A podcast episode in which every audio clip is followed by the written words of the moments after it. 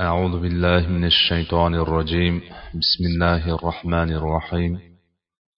إن الحمد لله نحمده ونستعينه ونستغفره ونعوذ بالله من شرور أنفسنا ومن سيئات أعمالنا. من يهده الله فلا مضل له ومن يضلل فلا هادي له. واشهد ان لا اله الا الله وحده لا شريك له واشهد ان محمدا عبده ورسوله السلام عليكم ورحمه الله تعالى وبركاته o'tgan darsimizda mo'g'ullarning kelib chiqishi mo'g'ullarning o'ziga xos belgilari kofirlar islom ziddiga birlashishi tabiiy hol ekanligi mo'g'ullarning xorazm davlatiga hujumi musulmonlarning mo'g'ullar qarshisida mag'lub bo'lish sabablari mo'g'ullarning xorazm davlatiga hujum qilish sabablari shuningdek mo'g'ul davlatini paydo bo'lishi islom ummati o'rtasida yuzaga kelgan tarqoqlik bo'linish dunyoga hirs qo'yish va mol davlat jamg'arishga berilib ketishi haqida suhbatlashgan edik. Bugungi suhbatimizni mo'g'ullarning qozog'iston va buxoro shahriga hujumidan boshlaymiz. Chingizxon qo'shinni yangitdan shayladi jihozladi. Qozog'istonni biron bir aytarli qarshiliksiz bosib o'tdi. Eslatib o'tamiz qozog'istonning yer maydoni taxminan uch million kilometr kvadratga teng bo'lib misr davlatining yer maydonidan uch barobar kattadir. Buyuk olim muhaddis sahihul buxoriy kitobining muallifi imom buxoriy rahimaullohning yurti buxoro shahriga hijriy 616 yilning oxirlari melodiy 1220 yilning boshlarida yetib keldi va uni uch kun davomida qamal qildi. Xorazmshoh shaharning himoyasi uchun yigirma ming askar tayin qilgan edi. Uch kun davom etgan qamal va jangda xorazmshoh jangchilari kuchsizlik qila boshladi. Atrofdan yordam so'rash imkonsiz edi. Ma'lumingizki buxoro shahri xorazm shoh davlatiga qarashli joy edi. Lekin xorazm shoh o'g'li muhammad o'sha vaqtda buxorodan ancha uzoqda o'zi istiqomat qilayotgan va davlatining poytaxti bo'lgan urganchda edi. So'ngra mo'g'ullar buxoro xalqidan taslim bo'lishni talab qildi va taslim bo'lishsa omonlik berishini va'da qildi. Buxoro xalqi nima qilishga hayron bo'lib qolishdi va ikkita fikr yuzaga keldi. Birinchi fikr egalari mo'g'ullarga qarshi jang qilib shaharni mudofaa qilamiz. Ikkinchi fikr egalari esa qatldan saqlanamiz omonlik olamiz va mo'g'illarga shahar darvozasini ochib beramiz deyishdi. Bu bechoralar mo'g'illarning biron mo'min xususida ahdga va burchga rioya qilmasliklarini qayerdan bilsinlar? Xullas shahar xalqi ikki qismga bo'lindi. Birinchi qism jang qilishni yoqlab chiqqan va shahar qal'asini mudofaasiga o'tgan mujohidlar jamoasi edi. Ularga shaharning faqih va olimlari kelib qo'shildi. Ikkinchi qism esa taslim bo'lish shahar darvozasini ochib berishni yoqlaganlar. Va mo'g'ullar omonligiga suyanganlar jamoasi bo'lib bularga shahar aholisining aksari qo'shildi. Oqibatda hijriy 616 yilning oxirlari zulhijja oyining 4 kuni melodiy 1220 yilning boshlarida shahar darvozasi mo'g'ullarga ochib berildi. Chingizxon buyuk shaharga kirdi va dastlab uning xalqiga va'da qilganidek omonlik berdi. Buni katta qal'ani qo'rg'on qilgan mujohidlarni yakson qilguncha ularni ishontirish uchun qilgan edi. Chingizxon qal'ani qurshab oldi va uni osonlik bilan ishg'ol qilish maqsadida shahar xalqiga qal'a atrofida xandaq qazdirdi. Shahar ahli ikkilanmay unga itoat qildi. Hozirgi kunimizda ham qancha qancha musulmon armiyalarni o'z dushmanlari bilan birgalikda musulmon birodarlariga qarshi jang qilayotganini ko'ramiz. Subhanalloh. Mujohidlar berkingan qal'a darvozalari o'n kun qamal qilingandan so'ng ochildi. Chingizxon la'natullohi alayh qal'aga kirib bitta ham mujohidni qoldirmay barchasini qatl qildi. Shu yerda chingizxon xiyonatni boshladi. Shahar xalqidan xazinalar mol dunyo oltin va kumushlarning joylarini o'rgandi va uning hammasini o'ziniki qildi. So'ngra askarlarni xalqning ustiga soldi. Mo'g'ul qo'shinlari xalqqa aql bovar qilmaydigan darajadagi ishlarni qildi. Ibn kasir rahimaulloh bidayatu va nihoya kitobida mo'g'ullarning buxoroda qilgan ishlarini tasvirlab shunday deydi.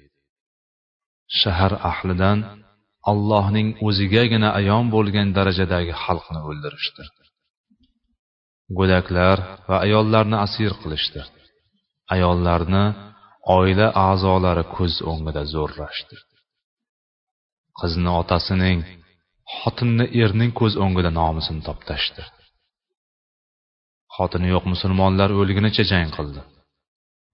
Qolganlarini asir qilib har turli azob bilan qiynoqlariga solishdi shahar erkak ayol va go'daklarning yig'i sig'isiga to'lib ketdi. So'ngra mo'g'illar buxoro ko'chalari masjid va madrasalarga o't qo'yishdi. Shahar batamom yonib kul bo'ldi. Tomlari yiqilib huvillab qoldi. Vala havla vala quvvata illa billah. Imom buxoriy va muslim o'zlarining sahihlarida mo'minlar onasi zaynab binti jahsh roziyallohu anhodan rivoyat qiladi. Rasululloh sollallohu alayhi vasallamdan yo rasululloh ichimizda solih kishilar bo'lgani holda ham halok bo'lamizmi? deb so'radilar. Ha agar nopoklik chirkinliklar ko'paysa deb javob berdilar rasululloh sollallohu alayhi vasallam. Xobas ya'ni nopoklik chirkinlik bu shaharda juda ko'paygan edi. Musulmonlar dinlari yerlari va nomuslarini himoya qilish uchun qo'llariga qilich olmasliklari nopoklikdir. Kofirlarning ahdlariga ishonib qolishlari nopoklikdir. Dushmanlariga qarshi islom bayrog'ini ko'tarib jang qilmoqchi bo'lganlarni taslim qilib berishlari nopoklikdir. Tafriqalanib o'zaro jang qilishlari nopoklikdir allohning kitobi va rasulining sunnati bilan hukm qilmasliklari nopoklikdir bularning barchasi habis narsalardir. Agar habas ya'ni chirkinliklar ko'payadigan bo'lsa halokat va qirg'in yuz berishi shart bo'ladi. Rasuli hakim sollallohu alayhi vasallam naqadar rost so'zladilar. Mana shunday. Buxoro shahri hijriy 616 yilning oxirlari melodiy 1220 yilning boshlarida halokatga uchradi.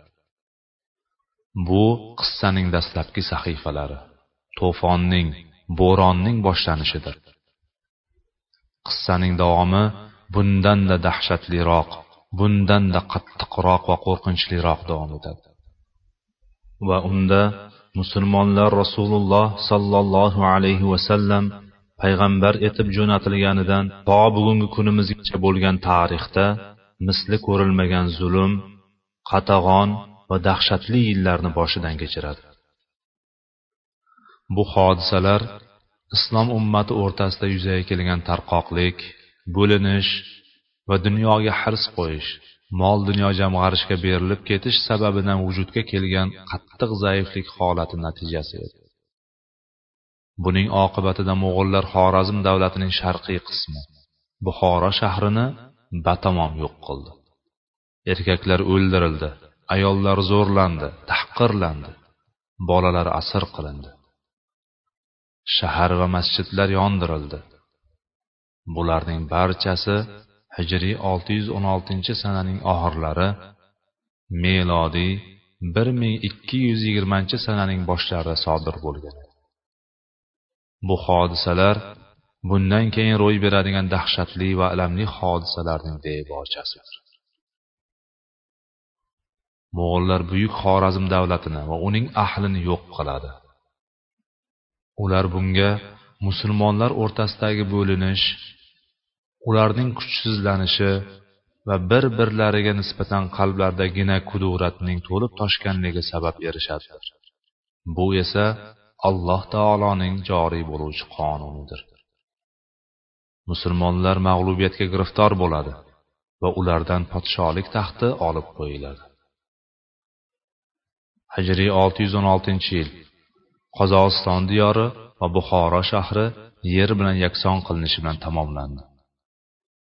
Hijriy 617 melodiy 1220 sana dahshatli hodisalar bilan boshlandi. Bu yilda islom ummati rasululloh sollallohu alayhi vasallam payg'ambar etib yuborilganidan to hozirgi kunimizgacha sodir bo'lgan voqealarning g'oyat yomoni va ayanchlisini boshidan kechirdi. Bu yilda mo'g'illar ancha kuchaydi. Islom diyorlarida misli ko'rilmagan vayronagarchiliklar quloq eshitmagan ko'z ko'rmagan va xayolga kelmagan qirg'in barotlar munkar ishlarni amalga oshirdilar. Bu voqealarga islom tarixshunosi alloma ibnul asir rahimaullohning kamil fit tarix kitobida keltirgan so'zlarini muqaddima qilishni xush ko'rdik. U kishining so'zi bu o'rinda boshqa tarixchilarning so'zlaridan ko'ra o'rinliroqdir chunki u kishi rohimaulloh o'sha voqealar sodir bo'lgan zamonda yashagan va bu hodisalarni o'z ko'zlari bilan ko'rgan o'z quloqlari bilan eshitgan edi. Yuz marta eshitgandan bir marta ko'rgan yaxshi deydilar.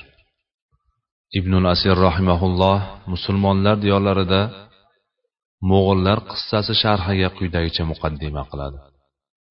Uzoq yillar bu hodisa haqida gapirishga so'zlashga yuragim ketlamadi bir oyog'imni oldinga bossam ikkinchisini olib qochardim. Kim ham islom va musulmonlarning qirg'ini e'lonini bita olardi. Qaysi insonga o'sha voqealarni gapirish yengil bo'lardi? Eh qani onam meni tug'maganida edi. Koshki bundan ilgari o'lsamu butunlay unutilib ketsam edi. Men yozishga botina olmay turganimda do'stlarimdan bir guruhi bu voqealarni yozishimga undashdi.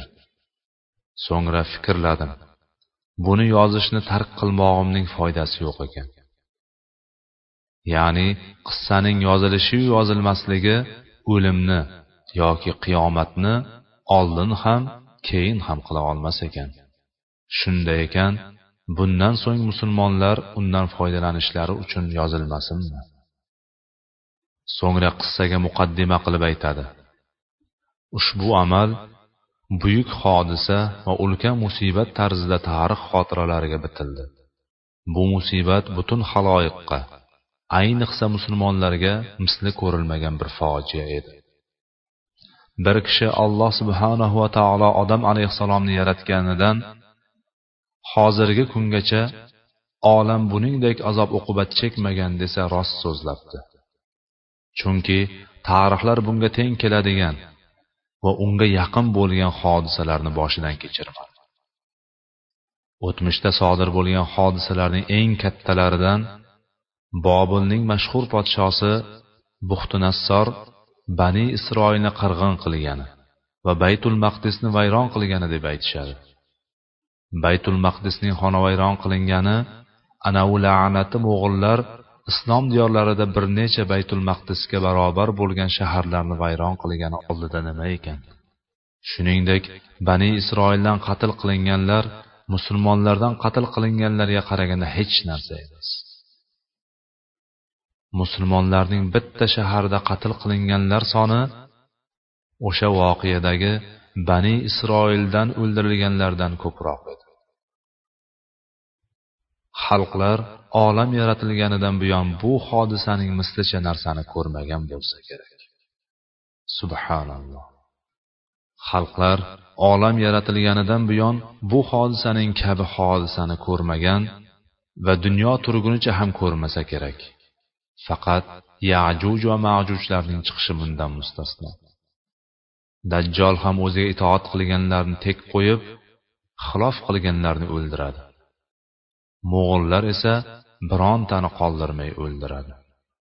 Subhanalloh. Ibnul asir rahimaullohning nazarida mo'g'ullar fitnasi vahshiyliklari va quvvatlari dajjolning fitnasidanda qattiqroq bo'ldi. Lekin dajjolning fitnasi qattiqroq va achchiqroqdir. Ammo boshidan kechirgan dahshat fojianing qattiqligi uni bu so'zlarni aytiborish darajasiga olib keldi. Ibn asir rahimaulloh so'zida davom etadi. Mo'g'ullar ayollarni erkaklarni va go'daklarni o'ldirdi. Hatto homiladorlar qornini yorib onalar qornidagi homilalarni-da o'ldirishdi. Inna lillahi va inna ilayhi rojiun. Va la havla va la quvvata illa billahil aliyyil azim.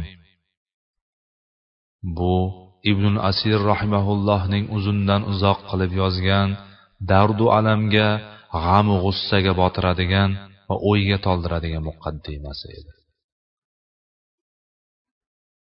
Islom olamiga yetgan bu musibat barcha o'lchovlarda o'tmish o'lchovida hozirgi kun o'lchovida va kelajakdagi o'lchovlarda ham katta fojia bo'lib qoladi. Asrlar osha musulmonlarga tushayotgan musibatlarning ko'pligidan bu musibat sekin asta kichiklashib bormoqda.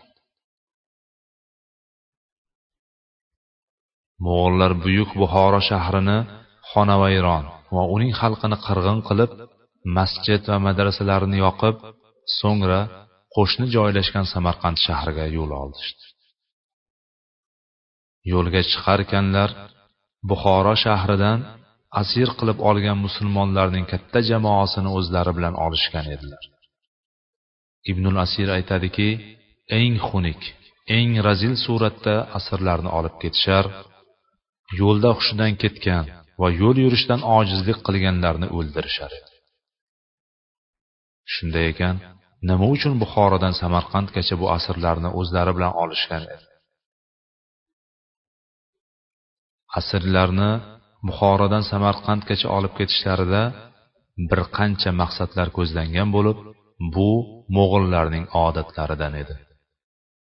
Ular har bir jangdan keyin asirlarni o'zlari bilan olib ketar va buning bir necha sabablari bor edi.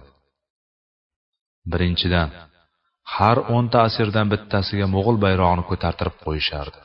Hatto uzoqdan ko'rganlar bularning barchasi mo'g'ul qo'shinlari deb o'ylashlari va jangchilarning sanog'i adadsiz qo'rqinchli bo'lib ko'rinishi dillarini qo'rquv chulg'ab ularga qarshi chiqish amri mahol ekan deb urushsiz taslim bo'lishlari uchun edi.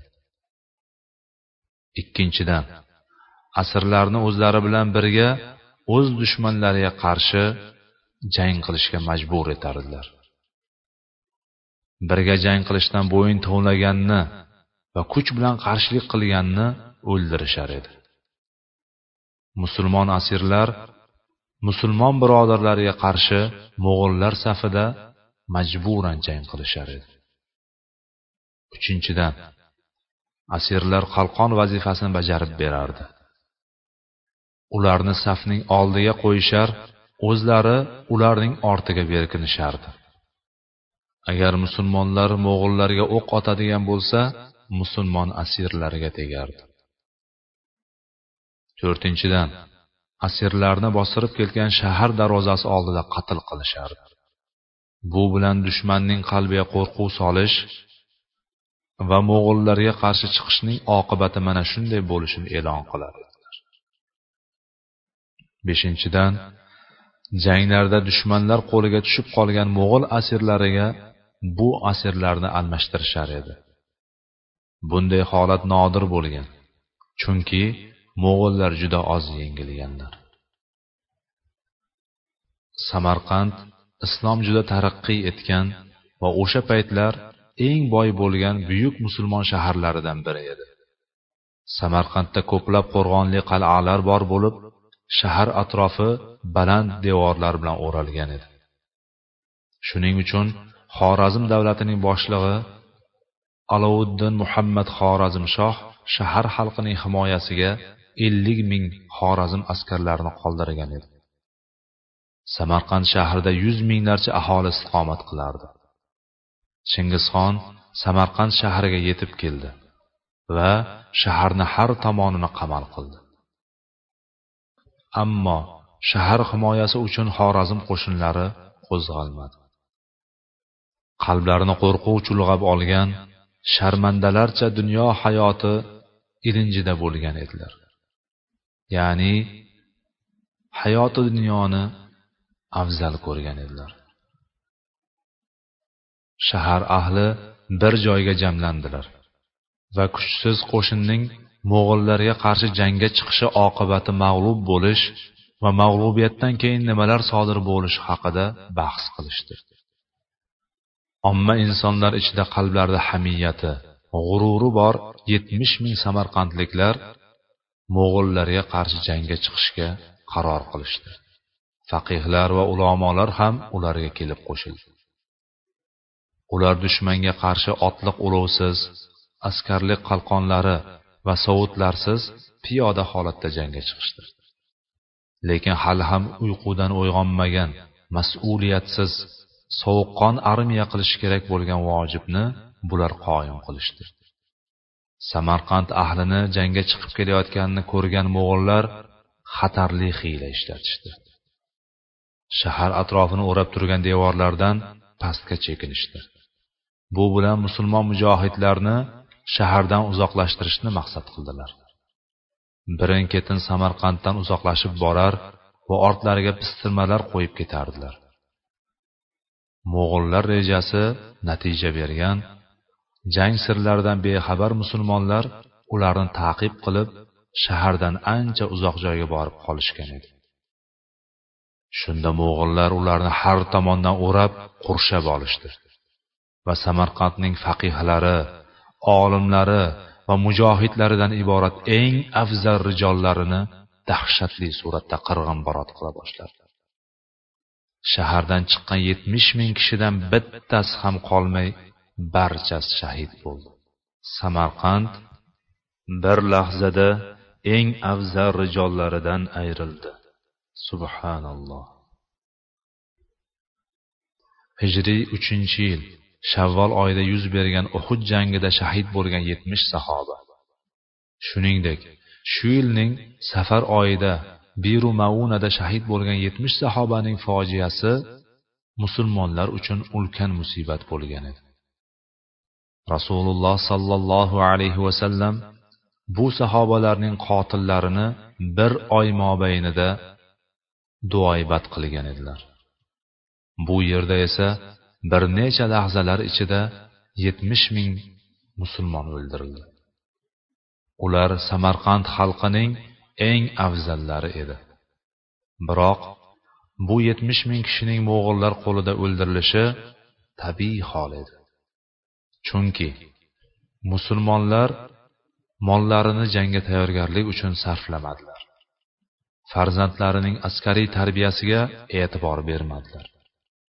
Davlatini o'rab turgan katta kuch mo'g'ul kuchi borligi xayollariga ham kelmadi.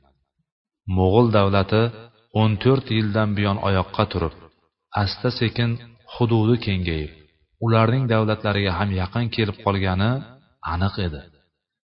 Shunday ekan bu kun uchun tayyorgarlik qayerda qoldi?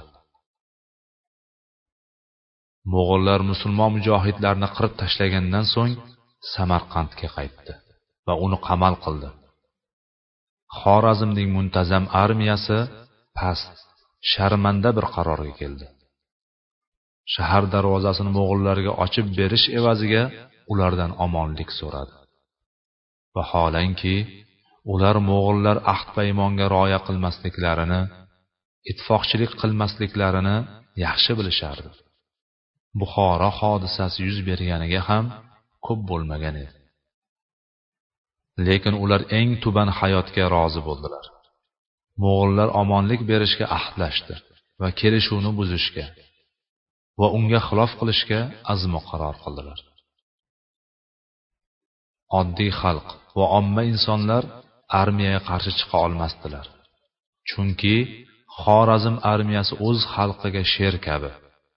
Dushmaniga esa qo'rqqanda boshini yerga tiqib oladigan tuyaqush kabi edilar.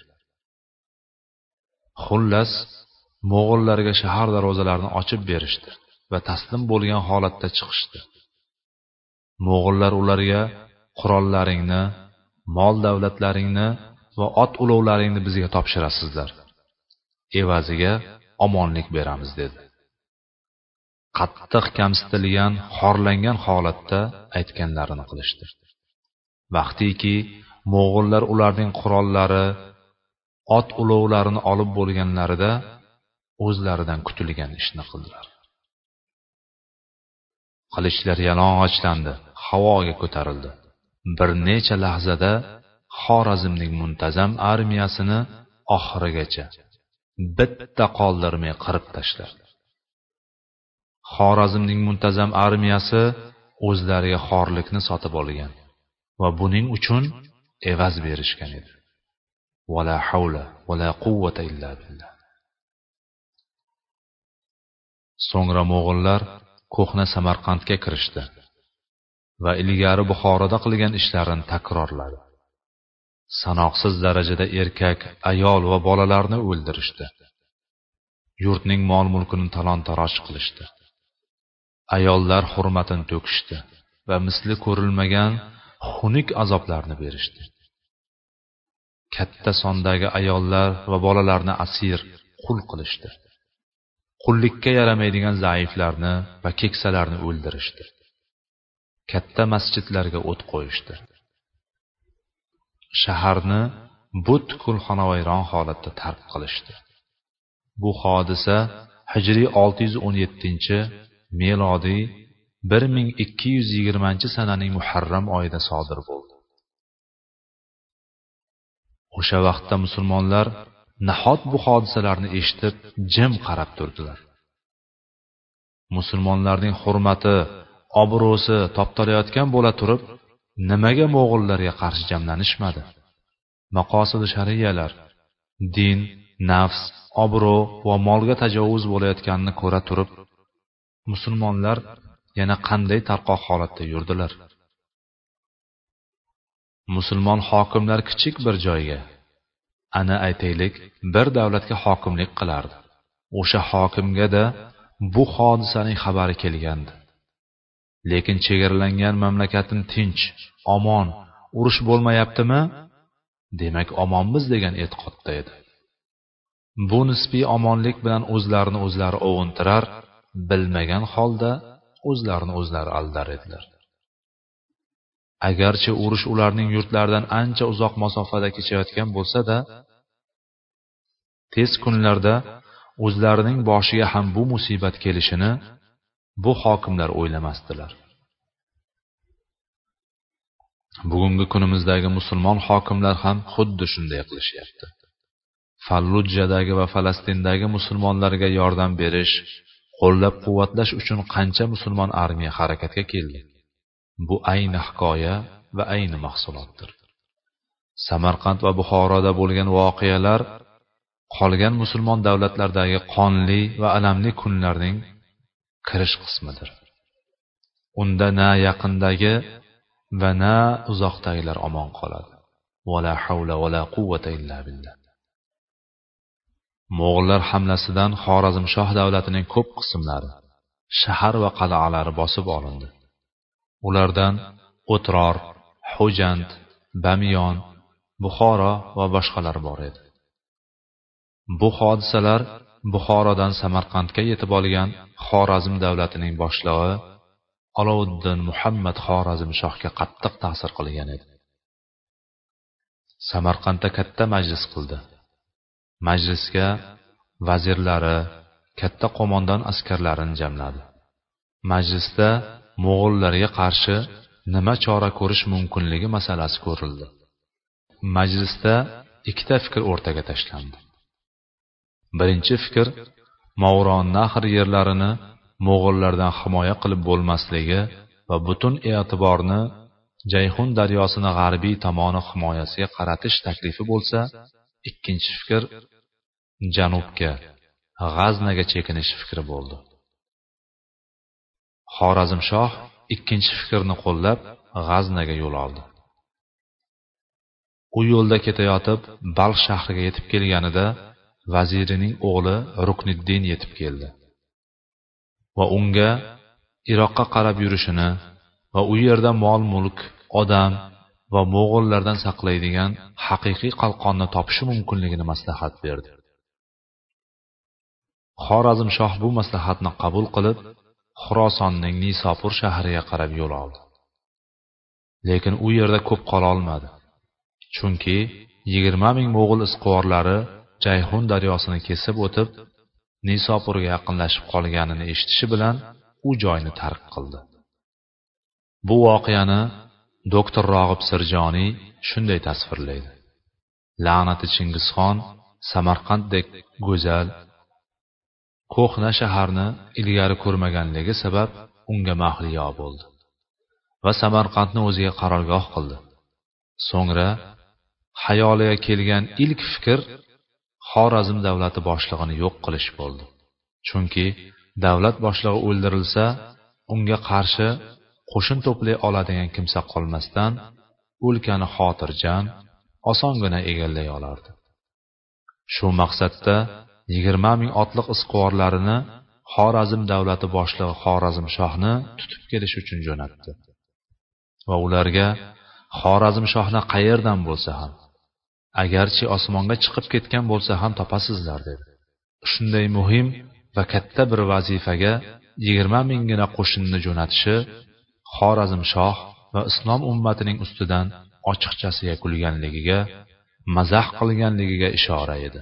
Chunki millionlarcha musulmonlarning ichiga kirmoqchi bo'lgan bu arzimagan sondagi yigirma ming mo'g'ul armiyasi musulmonlar soniga nisbatan hech qancha emas. Yigirma ming suvoriylar to'g'ri poytaxt urganch shahriga yo'l olishdi. Xorazmshoh jayhun daryosi hozirgi kundagi amudaryoning g'arbiy sohilida edi. Mo'g'ullar daryoning sharqiy sohili tomonidan kelishdi. Daryo bu ikki guruhni ikkiga ajratib turardi. Musulmonlar o'zlari bilan mo'g'ullar orasini daryo ajratib turganligiga va mo'g'ullarning kemalari yo'qligiga ishonib o'zlarini dadil tutardi. Mo'g'ullar yog'ochdan bochkalar tayyorlashdi. O'zlari suv o'tkazmaydigan qilib sigir terilarini ustlariga kiyishdi.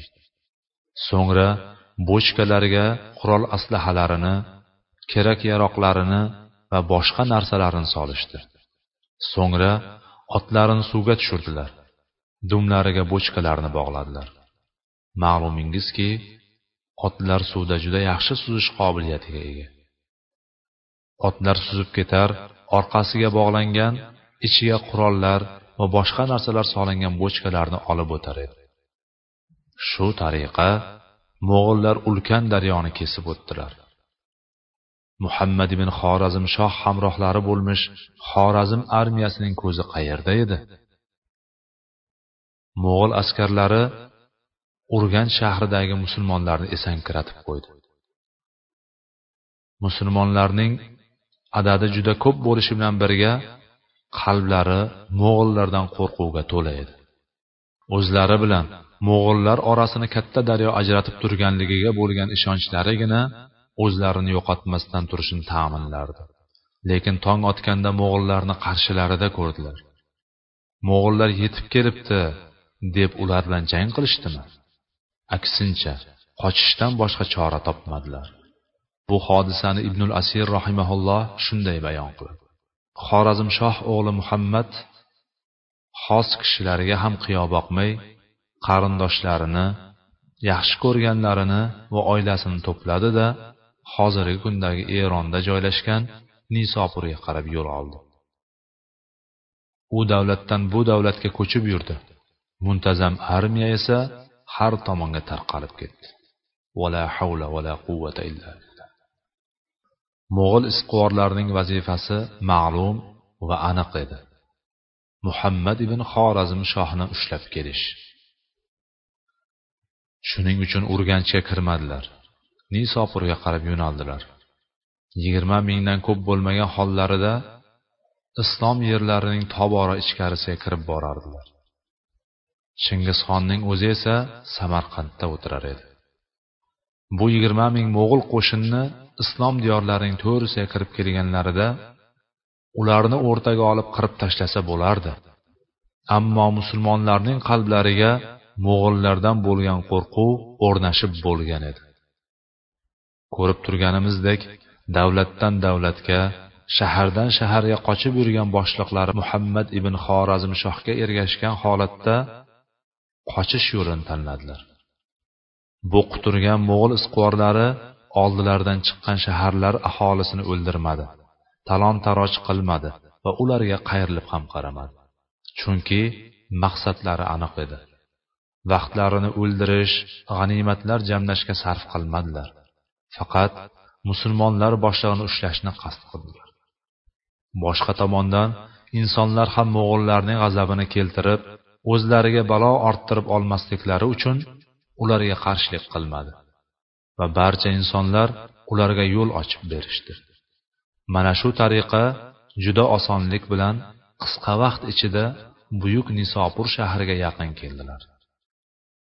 Mo'g'illar ortidan quvib kelayotgani sabab muhammad ibn xorazmshoh atrofiga na ansorlarni va na armiyani to'play oldi. Mo'g'illar yaqinlashib qolganini eshitishi bilanoq shaharni tark qildi. Va hozirda eronda joylashgan mozondaron shahriga yo'l oldi. Mo'g'illar uni shahardan chiqib ketganini eshitganida ular ham uning izidan mazandaronga qarab yurdilar. U esa mazandarondan chiqib hamazon shahriga otlandi. Bu shahar ham eronda joylashgan. Mo'g'illar ham uning payida. U yana sharmandalarcha qochib yana mazandaronga qaytdi. Undan so'ng hazir dengizi. Hozirgi kundagi kaspiy dengizi sohilida joylashgan tobariston shahriga yuzlandi. Doktor muhammad sallaviyning yozishicha sohilda qishloqlarning biridagi masjidda musulmonlarga imomlik qilib yurdi. Agar alloh taolo mo'g'illardan omonlik berib podsholigimni qaytarib bersa adolatni qoyim qilaman deb nazr qildi. Banogoh yashirinib yurgan joyi mo'g'illarga ma'lum bo'lib qoladi va uning makoniga hujum qiladi. Shunda u yerdan qochib dengiz sohilida kemaga minadi va qochib ketadi. Mo'g'illar yetib kelganida xorazmshoh sohildan ancha uzoqlashib qolgan edi. Ular kema topmaydi. Orqasidan kamondan o'q uzishadi. O'q ham tegmaydi. O'q tegmaganini ko'rib jahl ustida bir birlarini gijgijlaydi. Kemaning ortidan ba'zilari o'zini dengizga otdi va dengizga g'arq bo'ldi. Musulmonlarning buyuk boshlig'i muhammad ibn xorazmshohning qochoqligi nihoyasiga yetgan mo'g'ullardan qo'shtirnoq ichida g'oyat zo'r qutulgan edi. Xorazmshoh sharmandalarcha qochib abiskun yoki ba'zi manbalarda kelishicha ashura orolida joylashgan amina qal'asiga holdan toygan va kasal holda yetib oladi. Ushbu qal'ada qattiq faqirlik va og'ir hayot kechirishga rozi bo'ladi. Bepoyon davlatning podshosi hisobsiz mol mulkning sohibi edi. Lekin o'limdan qochib bularga rozi bo'lgan edi. O'limdan hech kim qochib qutula olmaydi. Doktor muhammad sallabiy fikriga ko'ra alovuddin muhammad xorazmshoh ko'p o'tmasdan zotil jam kasali oqibatida. Hijriy 617 yil zulhijja oyining 22 kuni. Melodiy 1221 sana fevral oyining 24 kuni shu orolda o'sha qal'a ichida badarg'a qilingan qochoq va faqir holatda olamdan ko'z yumadi hatto kafanlik ham topolmasdan yotgan to'shagiga kafanlaydilar subhanalloh. Aynama takunu yudrikkumul mautu walau kuntum fi burujin mushayyada. Qayerda bo'lsangiz hatto mustahkam qal'alar ichida bo'lsangiz ham o'lim sizlarni topib olur ولكل أمة أجل فإذا جاء أجلهم لا يستأخرون ساعة ولا يستقدمون har bir jamoat uchun ajal bordir bas qachon ularga ajallari kelsa uni biron soat ketga ham ilgariga ham sura olmaydilar musulmon shohni noma'lum orolda xor bo'lib o'lgani afzalmi yoki qaddi rost mag'rur qadami sobit va qalbi xotirjam holatda jang maydonida o'lgani afzalmi? Ortiga qiyo boqmay qochqin holatda o'lgani yaxshimi yoki shahid holatda ketgan yaxshimi? Inson o'lim vaqtini belgilay olmaydi lekin o'lim yo'lini tanlay oladi. Shijoat umrni hech qachon qisqartirmaganidek jangdan qochish va qo'rqoqlik ham umrni uzaytirmaydi. Allohning yo'lida jangda yurgan kishi to'shagida o'lsa ham allohning yo'lida o'lgan hisoblanadi. Imom muslim sahihlarida sahl ibn hunayf roziyallohu anhudan rivoyat qiladi. Rasululloh sollallohu alayhi vasallam shunday dedilar. Kim allohdan sidqi dildan shahidlikni so'rasa garchi to'shagida o'lsa ham alloh uni shahidlar martabasiga yetkazadi. Vaqtimiz oxirlab qolgani sabab darsimizga shu yerda yakun yasaymiz. Alloh subhanava taolodan uning yer yuzida joriy qilgan qonunlarini bildirishini manfaatli bo'lgan ilmni ta'lim berib ta'lim bergani bilan foydalantirishini va tarixni bizlarga ibrat qilishini so'raymiz. Albatta u allohning qo'lida va u bunga qodir zotdir ربنا اغفر لنا ولإخواننا الذين سبقونا بالإيمان ولا تجعل في قلوبنا غلا للذين آمنوا. ربنا إنك رؤوف رحيم. وآخر دعوانا أن الحمد لله رب العالمين. سبحانك اللهم وبحمدك أشهد أن لا إله إلا أنت أستغفرك وأتوب إليك. والسلام عليكم ورحمة الله تعالى وبركاته.